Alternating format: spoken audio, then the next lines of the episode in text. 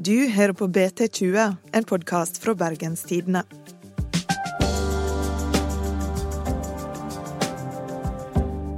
Etter 15 år har vi endelig fått møte den mystiske mannen bak navnet Dolk. Han er den største gatekunstneren i Norge, har tjent millioner og hatt utstillinger over hele verden. I denne podkasten får du høre Dolk for aller første Mitt navn er Ingvild Nave.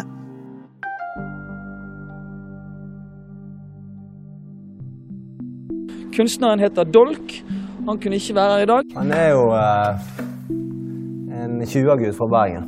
Så han er jo lokal eh, stjerne. sant? Bergenske Dolk er som alle andre kunstnere på Megafons utstilling anonyme.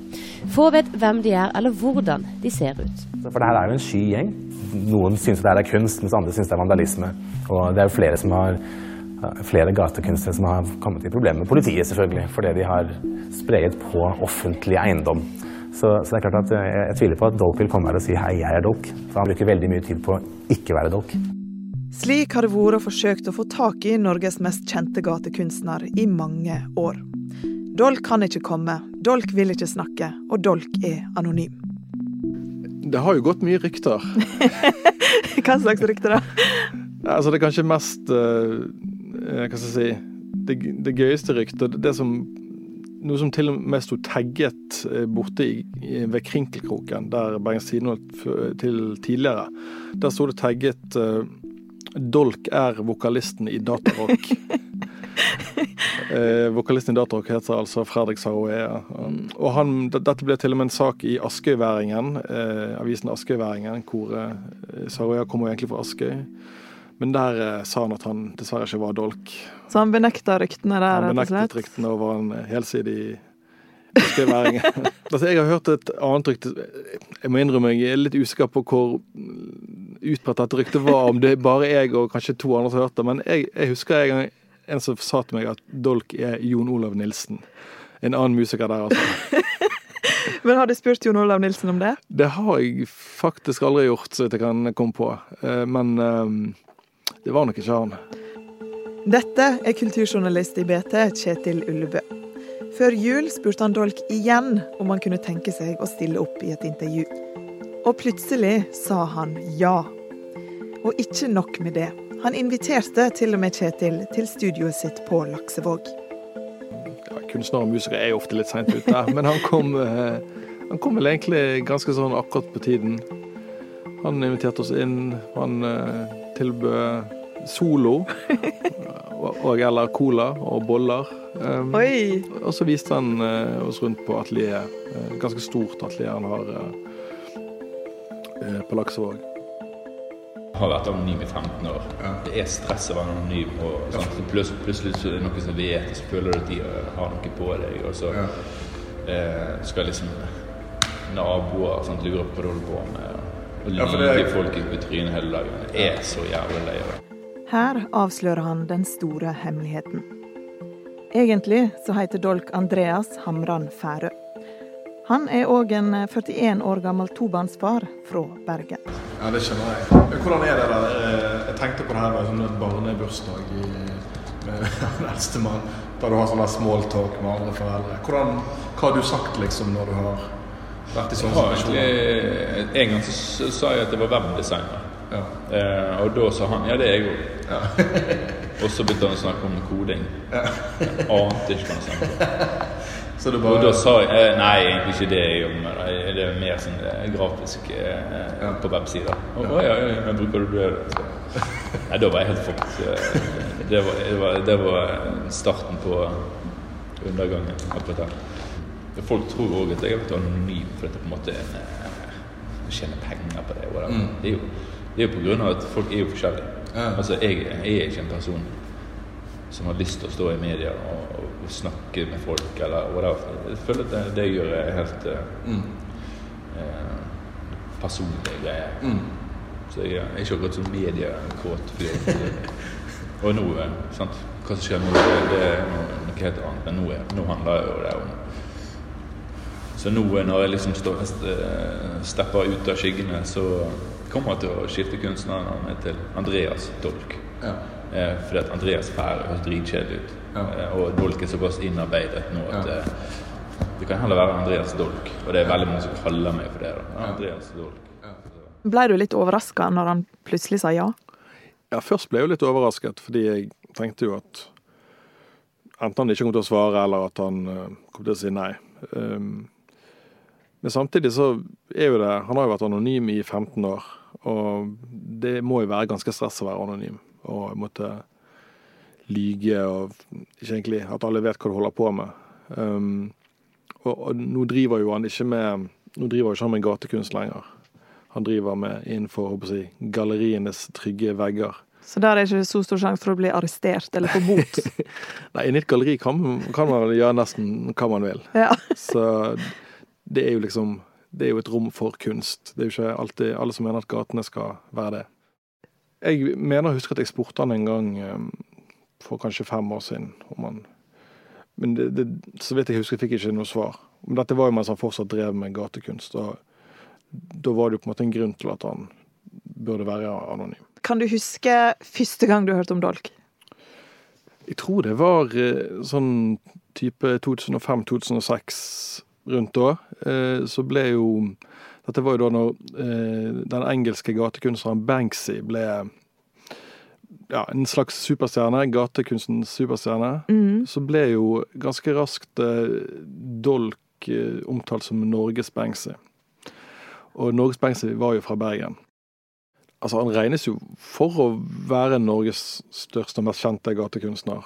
Og han, vi, vi nevnte jo Banksy i sted. Han ble jo tidlig si, tatt inn i varmen av han, og han um, ga uttrykk for at han likte verken til Dolk, at han, han, han frontet det litt. da. Og han har eh, Dolk har jo flere ganger blitt invitert til å, å delta på utstillinger som, som Banksy har eh, kuratert og arrangert. Så jeg tror vi kan si han er den, har største norske gatekunstneren. Dolks karriere starta faktisk med ei ulykke. Han jobba på bakeri, sparte penger og levde som en skiboms. Men en dag mista han balansen. Egentlig hvordan jeg kom inn på kunsten, var at jeg sto på ski. Eh, var skiboms i Chamonix. eh, falt jævlig stygt eh, og fikk brudd i nakken. Og mistet følelsen av halve kroppen og ene armen. Og, og da tenkte jeg eh, OK, det var jo Ja. Uansett så lå jeg på sykehuset der en stund. I Chamonix. Ja, i Chamonix. Og så måtte jeg liksom roe meg, da. Mm. Komme hjem, og så studerte damen min eh, Hun studerte eh, grafisk design. Så begynte jeg å gjøre hennes oppgaver. Ja. For jeg var jo mer motivert enn hun, egentlig. Ja. Det viste seg. Ja. Og så søkte jeg på meg grafisk design hun, da. ja, i Australia. Ja. Vet du hva, Jeg har faktisk funnet en feil i eh, Wikipedia-artikkelen om dolk. Ja, det har jeg òg. Altså, Den artikkelen er jo helt ute å kjøre. Det står annet at han er født i Bergen, men det er jo feil. Han er født i Oslo. Er det flere ting som er feil?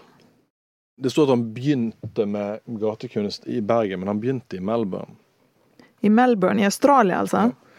Så det er faktisk de første dolk-bildene de var faktisk i Melbourne i Australia, på den andre sida av jorda. Ja, det stemmer. Ehm, det første han eh, lagde der nede, det kunne han ikke helt huske. Men det andre han, eh, han eh, sprayet, det var De sprayet utenfor et utested eh, om natten. da. Og så kom eh, Men da ble de fersket av eieren av det utestedet. Men så um, viste det seg at han, han digget jo det de holdt på med. Så de, eh, han, det var han og, og en, en, han, en kompis der nede. Eh, Så de endte opp med å henge på dette utestedet, og etter hvert så endte jo Dolk opp med å dekorere hele innsiden av utestedet omtrent. Så han, eh, han ble fersket, men så gikk det jo det greit likevel. Så det gikk egentlig ganske kjapt før det var etterspørsel etter dolk. da. Ja, det, det gjorde jo egentlig det. Så han var heldig eller eventuelt dyktig helt fra starten. Alt er bare tilfeldig. Det er helt eh, rart at jeg sitter her i dag og snakker med deg. Er jo det er så mange tilfeldigheter at det nesten er Mm. at du, ja, Det at du blir tatt for å male ulovlig, for å male en nattklubb til å Mm. Så det handler egentlig bare om å få en sånn eh, boost, og at du gjør noe riktig. da, på en måte. Hva var det som tiltrakk deg ved det sånn i begynnelsen? Det var det at det gikk så fort å mm. male på en uh, ulovlig vegg. Ja. Eller på en vegg, whatever. Satte opp, sprayet over, og så gikk det. Eh, ja, så du fikk liksom eh, Du fikk opp bilder med høy kvalitet på ett minutt. Vi skal straks gå videre i historien om dolk. Men først skal vi høre noen ord fra en av de andre poddene her på huset. Hei, jeg heter Sigrid Haaland og har en bra podkast om næringsliv som du bør sjekke ut. Vi snakker om hvordan batterier revolusjonerer skipsfarten. Hva det egentlig betyr når vi sier at oljebransjen blir digital. Og hvordan kvinner former teknologiutviklingen, for å nevne noe. Og podkasten kommer fra Sysla og heter Det vi lever av. Legg den til i podkastlisten din, så høres vi snart. Men hva var det han gjorde på i 2005-2006? Nei, da hadde jo eh, Dolk allerede begynt å lage verk i Bergen. Han begynte vel i 2004, så vidt jeg kan huske. Um, det første han lagde, var jo oppe på Nygårdshøyden på vei ned mot Puddefjordsbroen. I, i, der er en sånn undergang der med museet. Lagde selvfølgelig verkene sine på natten.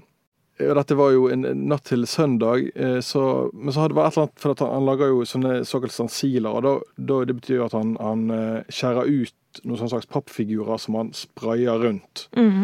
Eh, Men den han hadde, hadde, hadde laget til, den var litt for stor, så han måtte få hjelp av en fyr til å holde den oppe.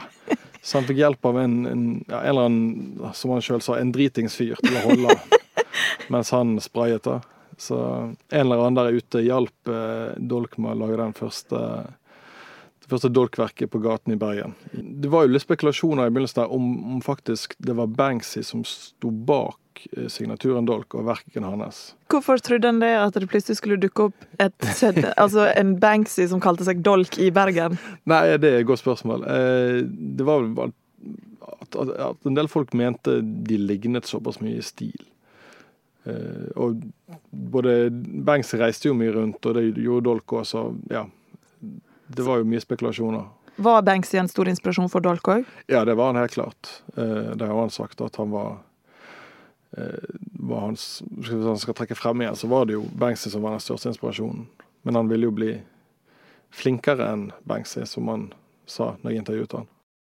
Etter hvert så dukker det jo opp mer og mer dolk rundt om på forskjellige overflater i Bergen sentrum.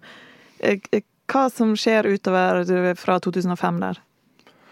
Nei, det er jo Folk blir jo mer oppmerksom på han. At han, han blir jo et At det har vært et kjent navn for utenfor de kretsene som var kunstinteressert og interessert i gatekunst.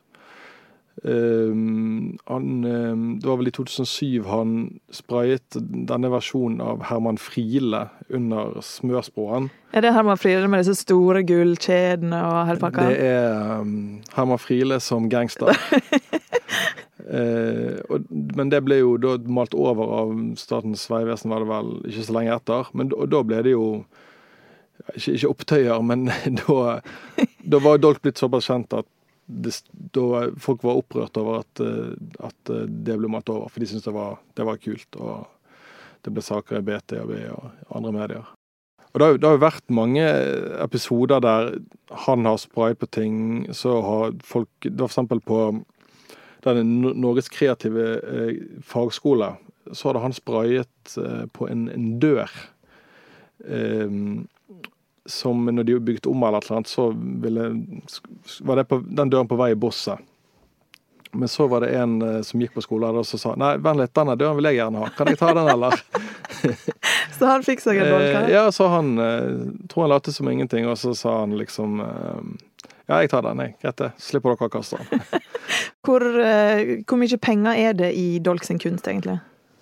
Nei, altså, Hvis man ser på ligningstallene så har jo han mot, sånn mot slutten av 2000-tallet og begynnelsen av 2010-tallet, så vokser jo inntektene veldig. Og det er vel i hovedsak at han har solgt uh, prints, altså han har eh, trykk på lerreter som han har solgt gjennom dette handmade posters. Og i 2013 hadde han en inntekt på 11 millioner. 11 millioner kroner. Yes. Så i denne perioden, tidlig på 2010 tall. Og det er vel i 2013 han har høyest inntekt, og, og i 2014-2015.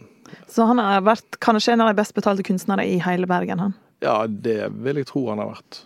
Jeg kan ikke komme på noen som har vært bedre betalt enn han. Hva slags type prosjekt er det han holder på med nå? Nei, nå, han hadde jo um, hans første si, vanlige samtidskunstutstilling, kan man kalle eh, hadde jo han for to år siden, som het Rip On. Og så kom oppfølgeren Rip Off. Og det var jo at han eh, tok eh, spraylakkerte metallplater, sånn som man har på biler. Er sånne fine, nye, og som man, og som man da rippet opp med nøkkel. Det er jo såkalt keying, kalles det. Det er jo sånn man, man av og til folk gjør hvis de går i et fancy nabolag, så ser de en, en, en ny BMW, og så bare tar de en nøkkel og bare ødelegger den. Så det er blitt en egen kunstform, da? og- Ja, så han har på en måte tatt det, det som man definitivt kan kalle hærverk.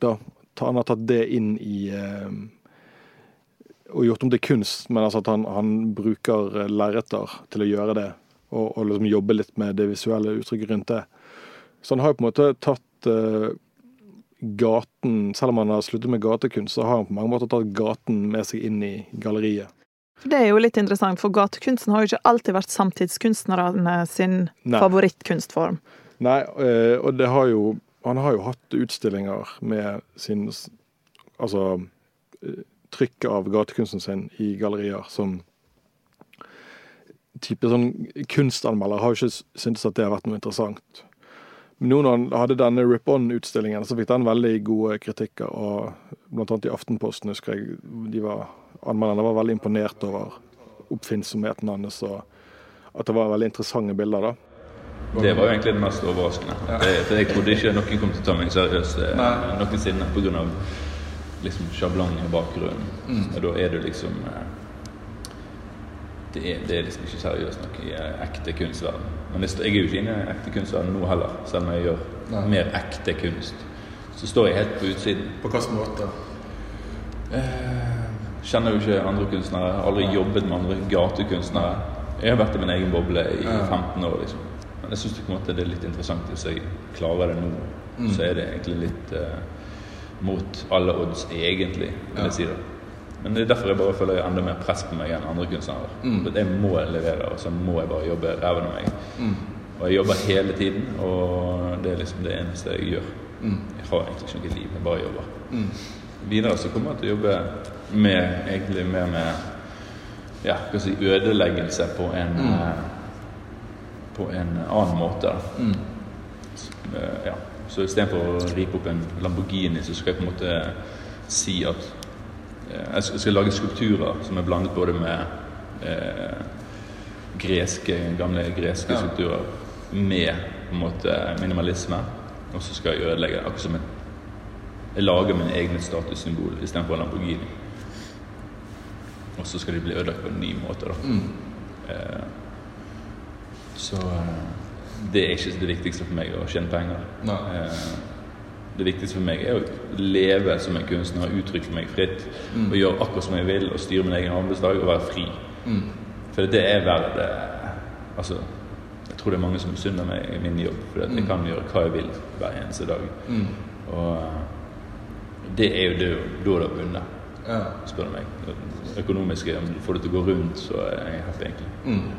Og han har jo fått en veldig lovende start på hva skal jeg si, karrieren som vanlig kunstner i gåsetegn. Fått gode kritikker og solgt bilder og så videre. Så jeg tror han har veldig store ambisjoner, både mot utlandet og ja, hele verden. Tror du, tror du det er slutt på den tida der det plutselig dukker opp en eh, dolk på et gatehjørne i Bergen, og det blir hiv og hoi? Altså Det kan jo godt være at han får ånden over seg og tenker at det hadde vært gøy å plutselig overraske folk med noe. Man vet jo aldri. Men Banksy er jo fortsatt anonym. Ja, det stemmer. Er det ditt neste mål, Kjetil? Altså, det er jo eh, Der har det virkelig gått mye rykter. Eh, og så er det jo større Kanskje litt større aviser enn Bergens Tidende som har prøvd seg på den. type New York Times og Guardian og sånn. Men det går jo an å forsøke. For det Dolk veit jo definitivt hvem han er. Ja, altså, jeg jeg er jo ikke sikker på om, om Dolk vet hva han egentlig heter. Det er jeg litt usikker på. Men han har jo eh, de har vel møttes så ja. Nei, det kan jo godt være at at vi må prøve oss på Banks. Tusen takk til kulturjournalist Kjetil Ullebø og Dolk. Kjetil kan du høre igjen i morgen når Kulturredaksjonen i BT har premiere på Republikken, en helt ny kulturpod om Bergen. Produsent for sendinga i dag er Henrik Svanevik. Vi er tilbake om ei uke. Og husk å abonnere. Og mitt navn er Ingvild Nave.